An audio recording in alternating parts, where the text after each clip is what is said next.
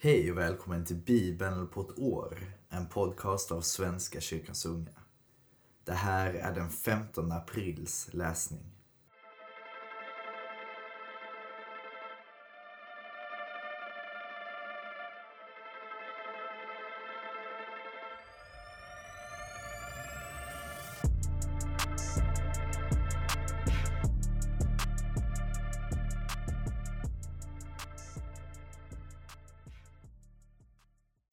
Ber. Tack Gud för idag. Tack för den kärlek du ger oss. Hjälp oss att ta tag i det vi behöver ta tag i. Hjälp oss att vara dina tjänare, Gud. Tack för att du är mäktig. Tack för att du är störst av allt. Tack Gud för idag och imorgon. Var med i dagens läsning. I Jesu namn. Amen. Vi börjar i Josua kapitel 11, vers 1 till kapitel 12, vers 24.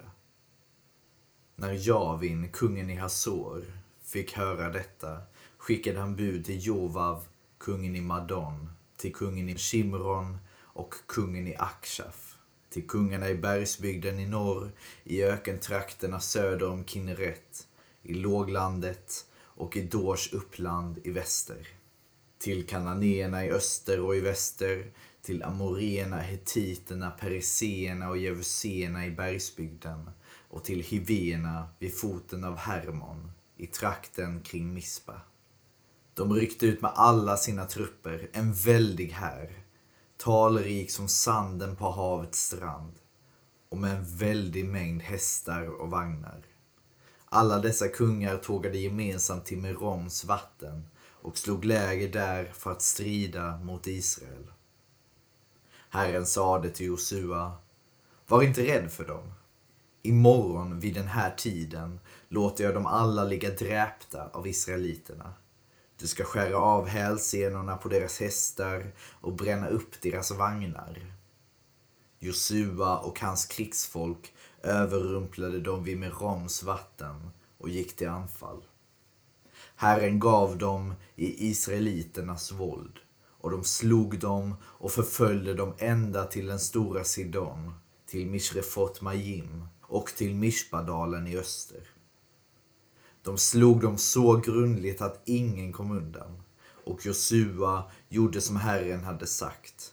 Han skar av hälsenorna på deras hästar och brände upp deras vagnar. Josua vände nu tillbaka intog Hasor och högg ner dess kung. Hasor var en gång det främsta av alla dessa kungadömen. Allt levande i staden vigdes åt förintelse och höggs ner. Ingen lämnades vid liv. Hasor brände han ner. Alla dessa kungastäder och deras kungar underkuvades av Josua och han vigde dem åt förintelse och högg ner alla, så som Mose Herrens tjänare hade befallt. Men ingen av städerna på kullarna brändes ner av israeliterna, utom Hazor, som Josua brände ner. Allt byte i dessa städer och all boskap behöll israeliterna. Människorna högg de ner till som utrotat alla. De lät ingen förbli vid liv. De befallningar som Herren hade gett sin tjänare Mose de hade Mose gett Josua och de lydde Josua. Han försummade inte något av det som Herren hade befallt Mose. Allt detta land intog Josua. Bergsbygden och hela Negev, hela Goshenområdet, låglandet och Jordandalen. Israels bergsbygd och lågland, från Halakberget som sträcker sig upp till Seir, ända till Baal-Gad på Libanonslätten, vid foten av Hermonberget. Alla kungarna där tillfångatog han och slog ihjäl. Länge förde Josua krig mot dessa kungar. Ingen stad slöt fred mot israeliterna utom Hivena i Givon. Alla togs med vapen. Det var Herren som förhärdade dem och fick dem att strida mot Israel för att de skulle vigas åt förintelse utan förskoning och utplånas så som Herren hade befallt Mose. Det var då Josua utrotade anakiterna i bergsbygden, i Hebron, Devir och Anav och i hela Judas och hela Israels bergsbygd och vigde dem och deras städer åt förintelse. Inga anakiter lämnades kvar i israeliternas land. Bara i Gaza, Gat och Ashdod blev några kvar. Josua intog alltså hela landet, alldeles så som Herren hade sagt till Mose. Han gav det som egendom åt Israel, fördelat på stammarna. Nu hade landet ro och slapp krig. Detta är de kungar i landet som israeliterna besegrade och vilkas länder de tog i besittning på andra sidan Jordan, den östra sidan. Från Arnons floddal till Hermonberget. Hela östra Jordandalen. Den amoreiske kungen Sichon som hade sitt säte i Heshbon och härskade från Aroer vid randen av Arnons floddal med gränsen mitt i dalen och över halva Gilead fram till Jaboks floddal som är gräns mot Ammon. Samt över Jordandalen mellan östsidan av Genesaretsjön och östsidan av Aravasjön, Döda havet. Åt Bet Haishimot till och söder till trakten nedanför Piskas branter. Och vidare Og kungen av Bashan, en av de som var kvar av Rafaena. Han hade sitt säte i Ashtarot och Edrei och härskade över Hermon, Salka och hela Bashan fram till Geshurenas och Makateernas område och över halva Gilead fram till det område som tillhörde Sichon, kungen i Heshbon. Det var Mose, Herrens tjänare och israeliterna som besegrade dem. Och Mose, Herrens tjänare, gav landet som egendom åt rubeniterna, gaditerna och halva Manasses stam.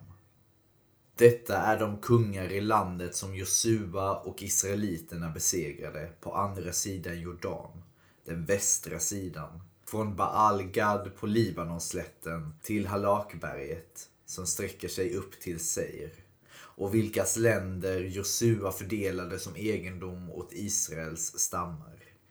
I bergsbygden, i låglandet, i Jordandalen, på branterna, i öknen och i Negev. Hetiternas, amoreernas, kananéernas, periseernas, hiveernas och jevuséernas land. Kungen i Jeriko.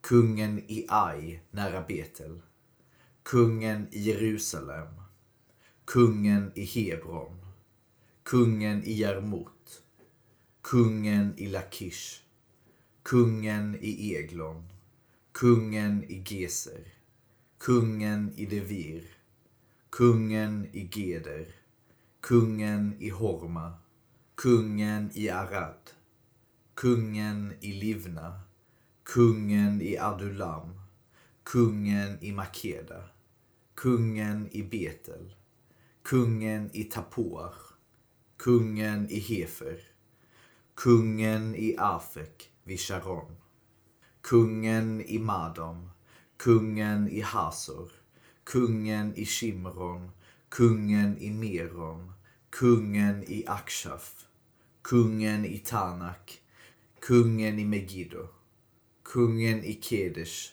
kungen i Jokneam vid Karmel, kungen i Dor vid Dors uppland, kungen i Gojim i Galileen och kungen i Tirsa. Allt som allt 31 kungar. Vi fortsätter i Lukas evangeliet kapitel 17, vers 11 till 37.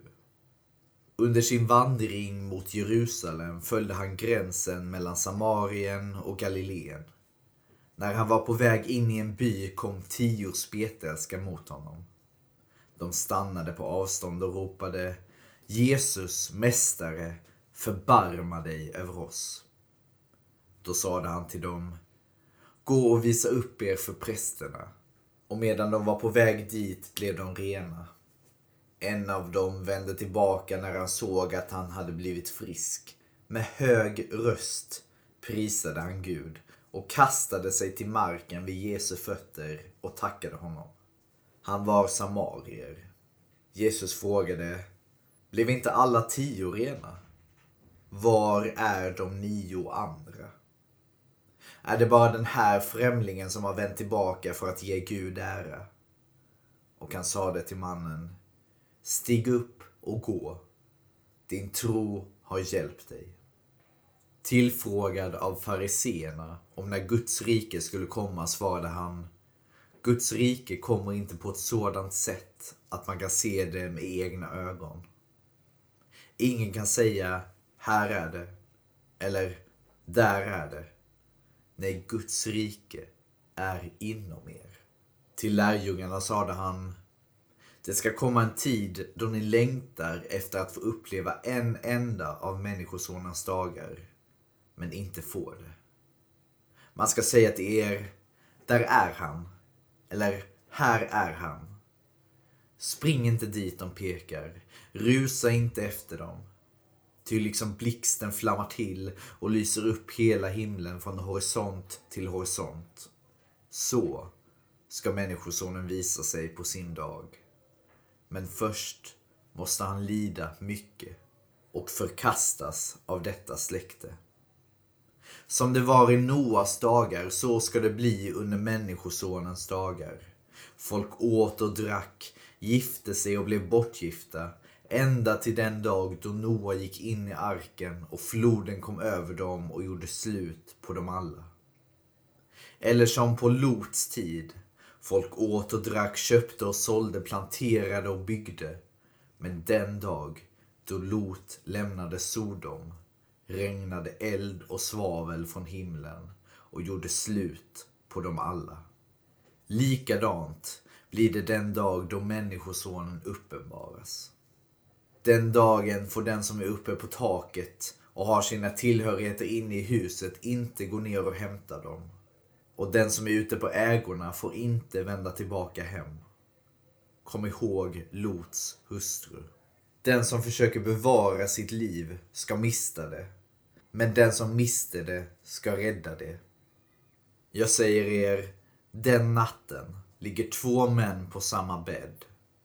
Den ene ska tas med och den andra ska lämnas kvar. Två kvinnor mal tillsammans. Den ena ska tas med och den andra ska lämnas kvar. De frågade honom, var blir det, Herre? Han svarade, där liket ligger, där samlas gamarna. Ja, Guds rike och Jesu återkomst, var, när och hur, vi vet inte. Men vad vi vet är att vi kommer inte missa det när det kommer. Och som det står i predikaren som vi kommer läsa senare i år. Det finns en tid för allt. Och om det inte är en tid för Jesu återkomst så är det en tid för något annat. Så låt oss leva, ta hand om jorden och varandra. Och bara försöka att älska varandra så gott vi kan. Och be för varandra. Det tror jag är jätteviktigt. Vi fortsätter i Saltaren, psalm 84. För körledaren av Korachs ättlingar. En psalm. Ljuvlig är din boning, Herre Sebaot. Jag förtärdes av längtan till Herrens förgårdar. Nu jublar min själ och min kropp mot den levande guden. Sparven har funnit ett rede och svalan ett bo för sina ungar. Dina altaren, Herre Sebaot, min konung och min Gud. Lyckliga de som bor i ditt hus och alltid kan sjunga ditt lov. Lyckliga de som har sin styrka i dig, de som gärna drar upp till templet. När de går igenom bakatträdens dal blir det en flödande källa. Höstregnet fyller den med välsignelse. De går genom port efter port tills de möter Gud på Sion. Herregud Sebaot, Hör min bön. Lyssna, du Jakobs Gud. Ge akt för vår sköld, och Gud, se i nåd till dens mode. En dag på dina förgårdar är bättre än tusen dagar där hemma. Jag står hellre vid tröskeln i min Guds hus än jag bor i de gudlösas tält. Herren Gud är sol och sköld. Herren ger nåd och ära. Den som lever ostraffligt vägrar han ingenting gott. Herre Sebaot. Lycklig den som förtröstar på dig. Jag, jag tycker speciellt om vers 11. Jag tror jag sett den i någon kyrka någon gång. En dag på dina förgårdar är bättre än tusen dagar där hemma. Jag tycker det är väldigt fint att bara en dag hos Gud är bättre än tusen dagar utan Gud. Och vi avslutar i Ordspråksboken kapitel 13, vers 5 till 6. Den rättfärdige hatar lögn. Den onde handlar skamligt och fräckt. Rättfärdighet skyddar den oförvitlige. Ondska blir syndarens fall. Det var allt för idag kära vän. Tack för idag. Så ses vi och hörs vi imorgon igen. Ha det fint tills dess. Ta hand om er. Se till att vila och se till att ta det lugnt emellanåt. Ha det fint. Hej då.